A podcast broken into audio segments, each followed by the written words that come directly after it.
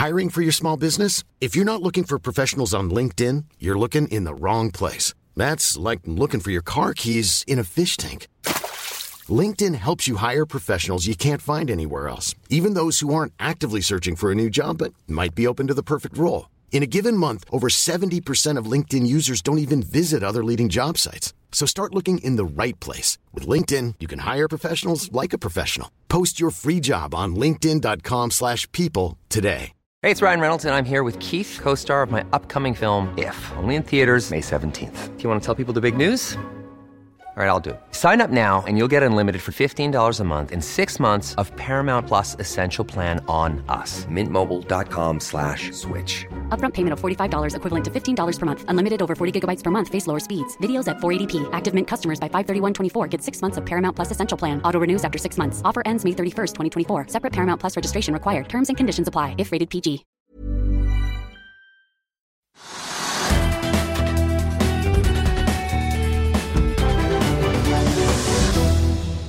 Velkommen til Økonominyhetene i dag, mandag. I dag skal vi ta oss gjennom hva som skjer på Oslo Børs. Vi skal også innom USA-markedet. I tillegg har vi snakket med Lytix Biofarma, altså Øystein Rekdal, som i dag ble notert på Euronext Growth. Men først så begynner vi med noen nyheter her hjemmefra. Vi tar med oss at Avilco LNG meldte fredag etter børsslutt at det har sikret seg nok en knallsterk kontrakt, og aksjen stiger 12,5% i kjølvannet av denne nyheten. Lytix Biofarma har som sagt første dag på børs i dag, ble notert på Euronext Growth mandag og stiger et par prosent. Trond Moens M Westwater fortsetter nedgangen. Siden notering er aksjen solid ned og faller ytterligere 6% mandag. Vi tar også med oss at svenske SBB selger alt i Entra med 10% avkastning. Samtidig stanser selskapet planer om sekundærnotering i Oslo. Det er Castellum som kjøper samme andel som SBB selger, og Entra stiger 1,5 Oslo Børs er i ny all time high i dag, Trygve. Akkurat nå er vi opp 0,6 hva kan vi si om eh, denne oppgangen?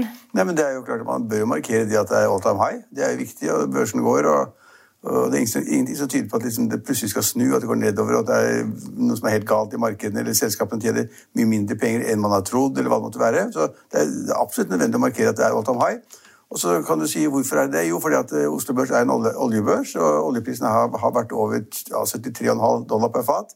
Nå er det litt ned igjen, da, litt over 73, men den har vært over 73,5.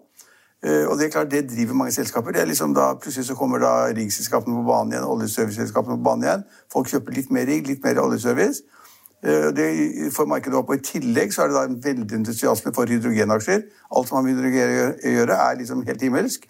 Eh, og Det er fordi at hydrogen er en ren energiform, så det får ikke CO2-utslipp.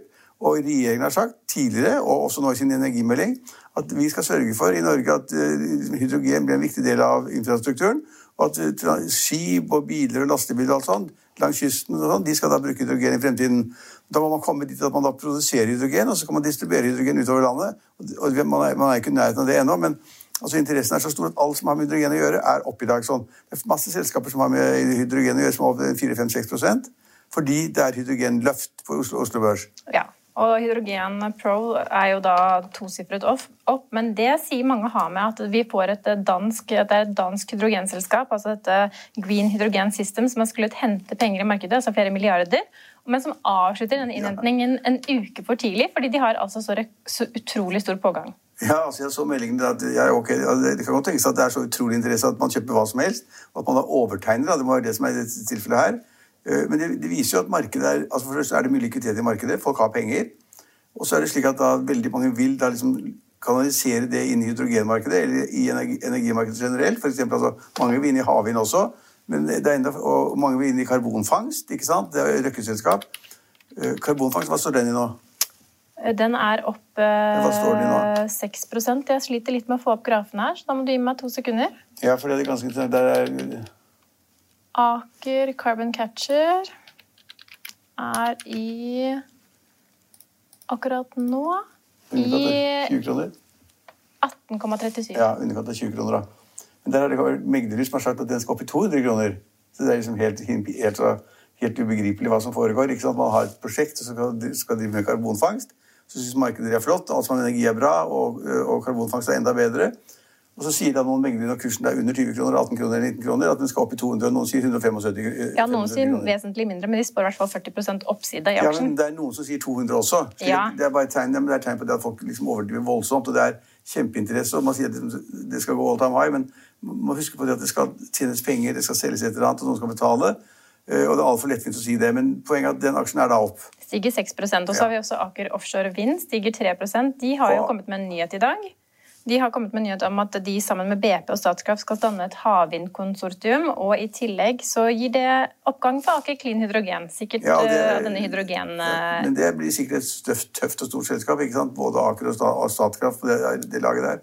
Og I tillegg så stiger også Aker Horizon 56 Det er det selskapet som skal være paraplyselskapet over alle de småselskapene. Slik at Røkke-selskapene går opp i dag, eh, og alle som er interessert i hydrogen, kjøper hydrogen, dytter de opp. Sånn og da, sammen med olje, oljeoppgangen, så er det nok til å løfte Oslo Børs i dag. Ja, Men Aker Clean Hydrogen, da, som er jo en av disse Røkke-aksjene som også stiger av 4,5% mest sannsynlig for vi har denne hydrogenbonanzaen, hvor vi har dette danseselskapet som eh, har hentet for mye penger, og så har vi Hydrogen Pro som stiger på den nyheten. Men altså, Aker Clean Hydrogen har jo vært en av de Røkke-selskapene som ikke har levert eh, i linje med Carbon Capture og offshore vind. De har jo faktisk falt 41% siden de ble notert. Ja, heldigvis er det noen selskaper Det er ikke, det er ikke liksom sånn halleluja over hele linjen. Men det var jo slik I forrige uke kunne vi telle opp at det var 50% av de grønne selskapene hadde falt 40-50% og 50% hadde steget 40-50% Så det var liksom en god uttelling på nedsiden og oppsiden. Men i dag er det liksom det overvekt av positive eh, kjøp og nye, eh, nye aksjekurser som gjør at liksom, i dag stiger det meste av de grønne og, og hydrogen. De, stiger, de går opp i dag. Mesteparten, ikke alt. Og I tillegg så er det fart i container eh, shipping. For vi ser at MPC Containership, som dere snakket om bl.a. på fredag, endte opp 5,5% den dagen. Stiger ytterligere 3% i dag. Ja, den stiger hele tiden. Altså, er, den kan jo ikke stige 5% hver dag. Man kan teoretisk gjøre det, men det pleier ofte liksom være at noen tar en, for, en profit, en fortjeneste, og selger ut osv., og, så videre, og så går kursen videre. Men det er en enorm interesse for da liksom transport av tørrlast i verden. Og det fraktes på mange måter i sånne store, åpne tørrlastskip, hvor de liksom bare pøser kull eller eh, altså store korn, hva som helst, inn i lasterommet, så, og så tar man det opp igjen via mange forskjellige måter. Men containerskipene er på en måte mer sofistikert. ikke sant? At de tar da fra én leverandør av sykler til, fra Kina til Norge, eller en leverandør av jakker, noen av, av, av klær, bukser, hva det måtte være. Uh, og å, nå er det altså Etterspørselen er så stor etter containerskip at man finner dem ikke. Og De står i, da i store internasjonale havner med containertransport så kommer man ikke inn i havnen. Så de kan ikke få ta containerne av, Løfter inn på havnen og sette dem på biler for å få nye om bord. Man får ikke til. Så da, da er det for lite containerskip, for få containere. og Da går, går, går, går da ratene for selve skipene opp, og så går da prisen for den, det man må betale for containerne opp, og alt blir dyrere. Ja, altså frakt kostnadene. Og, og, det containerselskapet du sier, var på en måte en katastrofe i flere år. Og nå er den store vinneren i, i shippingmarkedet. Ja, det er faktisk den delen av shippingmarkedet som gjør det best akkurat nå. Ja. Men hvis du skal se på f.eks. fraktkostnaden, da, da hva en leketøysimportør eller en sykkelimportør må betale i frakt for å få en vare fra f.eks. Shanghai til Rotterdam, den har steget over 500% Ja, det var det jeg prøvde å si. At over 500 eh, Ratene på skipene går opp, og ratene på containerne går opp, og alt blir dyrere. Og hva betyr det for deg og meg? Ja, jeg kjøper ikke noe særlig leker. Var det leker du snakket om? Ja, det kan være alt fra kaffe til ansjos, leker, poenget, poenget forbrukervarer. Ja, men poenget er jo sånn er det jo alltid at kostnadene da ved transporten den vil jo bli fordelt på da brukerne. slik at liksom Fordelt på dukkene eller sykkelen eller klærne eller skoene eller hva det måtte være. Så det blir dyrere det vi skal kjøpe, i prinsippet. Så kan det godt tenke seg at de som da kjøper den sykkelen, hadde gode marginer før. så det er ikke sikkert at Selv om de får noe mer transportkostnad på sykkelen, så er det ikke sikkert at den sykkelen blir dyrere hos uh, hos XXL eller andre butikker. Det er ikke sikkert. I hvert fall ikke med én gang. Nei, men det blir aldri med en gang. Så det, det, hva som skjer med prisbildet, vet vi ikke, men det er grunn til å tro at den på en måte, prisoppgangen vi ser fordi at det er vanskelig å få varen transportert, den vil forplante seg videre til da, butikkene og videre til kundene som må betale sluttregningen etterpå. Ja, og De som leste nyhetene i går, kunne få med seg at bl.a. flere selskaper stopper import fra Kina fordi det rett og slett er for dyrt å ta varene inn. Ja, det kan tenkes. Jeg vil tippe det at hvis varene først er lave, så er det ikke så veldig dyrt å ta det inn. altså Transportkostnaden er lav. Hva? Å få de fraktet. ja, det, det er blitt dyrere. Ja. Verden står overfor noe som man ikke hadde trodd. At verden åpner opp, alle skal gjøre mer. Også i Europa. ikke sant? Landene skal åpne opp, forretninger åpner opp, og butikker generelt åpner opp. og Alle skal, alle skal mer alt. Og så har det bygget opp i en periode på, i løpet av et annet år så har det bygget opp en sånn, et overskudd av likviditet som ikke er brukt. Konsumentenes holdning har tjent masse penger, men har ikke fått brukt dem. De har ikke kunnet reise på flytur til Thailand eller USA eller helgetur til London eller hva det måtte være, eller til Middelhavet. Og det er liksom ligget og spart penger, og så er det kanskje malt litt hjemme eller reparert etter at de haven eller hva det måtte være. Og nå plutselig skal de skal ut og reise og bruke penger, og da ja, Da. Men selv om vi har mer penger på bok, så er det ikke sikkert at vi kommer til å gidde å betale mer for kaffe, leker, sykler Jo eller. Jo da, jo, det whatsoever. det. Nei, altså ikke doble priser for å få det Nei, det fraktet. Da, da, går, Nei, men altså, venter vi Jeg har ikke peiling. Sykkelen koster 15 000 kroner, og hvis da transporten blir 50 kroner eller 100 kroner mer, så tipper jeg at det gjør ikke så veldig mye for den som kjøper. så til å begynne med vil du ikke merke det, men kanskje over tid så vil noen si at dette ble for dyrt. Altså, men det er jo så mange typer sykler, det er så mange typer sko, det er så mange typer jakker det er, så mange, alt er, det, er, det, er, det er konkurransen som avgjør det. men så Folk blir litt skremt når de hører om høyere fraktkostnader. Men det kan godt tenkes at det på en måte blir tatt av grossisten eller detaljisten, som da på en måte tar det på sin kappe for å beholde markedsandeler i Norge. Ja. Kan tenkes. Men mest sannsynlig så har allerede varene også blitt dyrere. Jeg er ikke så sikker, jeg har ikke sett noe særlig bilder bil- Har du lest disse matvaregigantene som håver inn på økte matvarepriser? Nei, det er ikke sant. Nei, det er ikke riktig. Men Finansavisen hadde en veldig god artikkel i dag som viste da hvordan resultatutviklingen har vært for da Norgesgruppen, som har mange butikker, ikke sant? Kiwi og hva det måtte være, Meny, eh, og, da Norges, og, og, og eh, Reitan-familien, som da eier da på en måte Rimi 1000. Rema 1000? Ja. Eh, og de har da sett litt på tallene hva de kan ha tjent, i og med at man hadde da den nedstengning i Europa i fjor. Og det viser seg da at de har tjent masse mer penger. De er, så Finansavisen har funnet ut at de er liksom blitt 50-60 milliarder kroner rikere. Men det er ikke fordi at varene har blitt dyrere. Men de har solgt så utrolig mye mer, slik at marginer på hver vare per melkeflaske, per juiceflaske eller per øh, grønnsakskvast, eller hva det måtte være Ingen har kunnet si at, er ves- at varene er blitt vesentlig dyrere. Ikke kjøttet, ikke kyllingen, eller hva det måtte være, men de er blitt så utrolig mye større. da, ja, for vi har jo kjøpt all mat for å spise hjemme. Ja, men de tidligere som kjøpte i Sverige, handler nå i Norge. Ja. Så inntil det snur, Og så de som gikk på restaurant og kjøpte middag der de var de nødt spise spiste hjemme. hjemme. Ja. Så det er klart at etterspørselen etter, etter varer hos da både Norgesgruppen og hos da Rema 1000 den har vært eksploderende. Og det er klart at når du selger, da, selger for 20-30 milliarder mer i året, så vil da også bunnlinjen bli større uten at varene blitt dyrere. Ja, men varene har Var det viktig? Fikk- fikk, fikk- fikk fikk det Jeg fikk det med meg, men varene har faktisk blitt ørbitte litt dyrere. For men det er hvilken vare? For eksempel det hvilken er ikke nødvendigvis slik at sitter Hvilken på bunnlinjen til Rema 1000 av den Hvilken grunn. vare da? Ja. Trygve, vi hopper videre. Norges hvilken Bank. Nei, jeg så det, jeg så det at, at Torstein trenger spesielle jordbærkurver for 200 kroner nede på Marsmanns på, på Skøyen. Kjøper du de? Nei. Nei, men du handler på CS Vest, du, vet du. Ja, der, har de ikke, der koster ikke jordbær 200 kroner. Det er helt sikkert. Men at Handler på Meny, hører til Norgesgruppen. Ja. De tar ikke for mye betalt for meg. De har akkurat det de skal gjøre. Ja, men det er klart at norske jordbær har jo alltid blitt dyrere når det Ja, nærmer ja, ja, men ikke 200 kroner per kurv. Nei. Kanskje det hadde ekstremt kjøpt, jeg hørte en, søte, nei, jeg mener og kjøpte, en- jeg mener meg kjøpte en i, på Sørlandet i, i helgen, og da kostet det 80 kroner eller noe sånt. Og det er også veldig mye penger, men det er ikke 200. Så det er noen som skal tulle litt i markedet og synes at det er gøy med norske jordbær. Og så står det svært skilt 'norske jordbær', 200 kroner kurven. Det er ingen som kjøper det, vet Men tenk at det kan engasjere så mye. Jordbærpriser. Ja, jeg synes det er veldig morsomt, for det viser at har man et godt produkt, nye poteter, første, nye, første bulken av nye poteter som kommer fra Rogaland til Oslo, koster kanskje, hva vet jeg, 100 kroner kiloen, 200 kroner kiloen. For folk vil ha de nye potetene, for de er best. Ja. Ja. Det får kanskje Men ikke varene, for å avslutte, det er litt viktig, varene generelt kan ikke jeg se blitt vesentlig dyrere. Eh, Og at da noen aktører med masse butikker, tusenvis av butikker, at de tjener mer penger, er bare som det skal være. Ja, men De selger mer.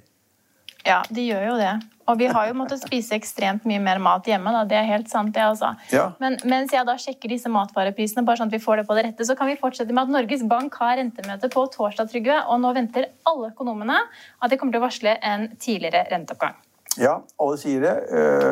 Jeg syns ikke at prisveksten i Norge er så veldig stor, så jeg ser ikke helt så store behov for at de kommer til å gjøre det, men jeg antar at de gjør det. Eh, At Norges Bank da hever ut, men Vi snakker om fra 0 da, til 0,25 det er liksom ingenting. Og så skal man da kanskje i årene 22, og 23, 24 kanskje da øke halvannen prosentpoeng, eller kanskje 1,75 prosent, prosentpoeng. Så vi får en rente da om to-tre år som er kanskje oppe i 3-4 prosent eller et eller annet sånt nå. Så det betyr veldig lite, men det er et signal i markedet om at liksom, hvis prisveksten blir for stor, og hvis lønnsveksten blir for stor, så må liksom Norges Bank styre litt. Og, da, og når man har hatt usedvanlig lav rente lenge, nullrente, det er liksom ingen som hadde drømt om at vi skulle få det, så har vi hatt, hatt det. Så sier da de fleste økonomer at for å liksom sørge for at ikke det blir liksom alt går til himmels, så må de få da en, en liten renteoppgang i Norges Bank. Og noen sier jo da faktisk to ganger i høst, Ja. og noen sier én gang i høst, og det kommer kanskje igjen. Ja. Var vel kanskje ventet september og desember, Ja, hvis ja, ikke jeg men, feil. men det kommer kanskje igjen. Men denne renteoppgangen som er varslet, selv, de har jo hele tiden vist til at disse økte boligprisene er en grunn for å heve renten. Og nå ser Nei, vi jo nei da. Nei da. Nei, men det Nei, har jo Norges basert seg det. De, har vært de- de- bekymret for nei, de har- boligprisoppgangen. de de er Norges Bank er bekymret for, lov, for altså, ve- ve- veksten i gjelden osv. Men altså, de sier at de ser ikke noe særlig på boligprisen når de fastsetter renten. Sier de. Sier det. Jeg, jeg, Har du tatt på deg de vanskelige buksene i dag, Trygve? Nei, nei, nei, men jeg tror, jeg tror altså Boligprisene stiger jo ganske mye, men nå, nå er det faktisk flatet Det har helt flatet veldig ut de siste Flatet månedene. Og veldig ut, men på en år- nedgang, men oppgang på årsbasis. På 12-13% på årsbasis, Ja. det er mye. Ja. Så har det flatet veldig ut, og nå kan man tenke seg det at det ikke øker i det hele tatt i antall år, men det faktisk synker litt. Grann. Og da er det ikke nødvendig for Norges Bank å gjøre noe med rentene for å hindre etterspørselen etter boliger. Tvert imot, så folk trenger boliger, og må bygge mer boliger, og de har mer penger til å kjøpe boliger ute i markedet. Men tør du å spå hva slags rente vi har i 2024, da? Nei, ikke i det hele tatt, men den blir jo mye lavere enn vi på de i gamle dager, hvor vi sa at normalrenten var 7% eller 6 det, altså Vi er langt derifra. ikke sant? Og det som har skjedd nå, er jo nesten Jeg vil ikke si fantastisk, for det er liksom overdrevet voldsomt. Men det er jo det som skjer, i- skjer i Amerika, hvor konsumprisene stiger veldig mye mer enn i Norge. Og hvor konsumprisindeksen da nå ligger på 5% i USA. Ja. Og hvor sentralbanken skal, helst skal måle mot en, altså en prisvekst på 2% Veldig forskjell. Da kan man tenke seg at liksom rentene vil gå kjempeopp for å liksom forhindre en ytterligere prisoppgang i, i, generelt på bred basis i USA. Det har ikke skjedd. De siste dagene har faktisk renten falt litt. Grann. Det ser ut som noen tror. Kanskje, De tror kanskje at renteoppgang er kanskje da at prisveksten, som er så høy at den er nådd 5% langt over det den skal være, at det er helt midlertidig pga. det du snakket om. Det økte råvarepriser, økte transportkostnader, hva det måtte være. Og dette går over, og at man på etter hvert nå ser at prisveksten blir lavere. Ja. Men tør du, hva, kan- hva kan vi si om en eventuell ny normalrente hvis den har vært 5-7 Nei, altså, det, det finnes, ikke, finnes ikke noen normalrente, så etter så er det helt greit hvis altså renten blir satt opp, slik at de da om ett, to, tre år er kommet opp i halvannen prosent eller to prosent. Ja, for noen snakker om at 3 skal være den nye normalrenten. Ja, ja, kanskje. Det er, det er ikke noe matematikk på. Det kan godt tenkes- seg at det er to eller tre, men det kan være to og en halv også. Det er helt avhengig av liksom hvor tilbudssiden. Er den stor nok? Er det ikke noe press i økonomien? Eh, Kanskje boligprisene faller istedenfor å stige? Og så videre og så videre. Ja. Foreløpig har vi ikke noe kjempepress i Norge i det hele tatt. Derfor er det, det, det, som er så interessant, er at Norges Bank da på en måte, Det er ikke sikkert at de gjør noe, kanskje de er helt tilbakeholdne. For det er ikke noe press på prisene i Norge i det, hele tatt. Den ligger omtrent der det skal være. ja. Og hvis de setter den opp, så blir de vel nesten førstemann ut. ja, men altså, jeg så konsumprisindeksen nå ligger på 2,8% eller noe sånt nå, og kjerneinflasjonen på halvannen, det er akkurat der det skal være. Ja. Så kanskje du skulle vært eh, sentralbanksjef, Trygve? ja, et par måneder. Ja, Da skal vi videre til USA, og her er stemningen blandet i dag. Vi ser at Dow Jones faller tilbake 0,3% SMP 500 er ned 0,1% og Nasdaq stiger 0,3 Og Investorenes fokus ser ut til å være ukens Fed-møte, hvor det er ventet at eh, den amerikanske sentralbanken kanskje vil kommentere noe rundt økt inflasjon. Og spenningen ligger også på om eh, sentralbanken da er klar for å sette støttekjøpene på hold. Men mer om det får vi da altså på onsdag. Vår sending er tilbake i morgen klokken 15.30. Følg med oss igjen da.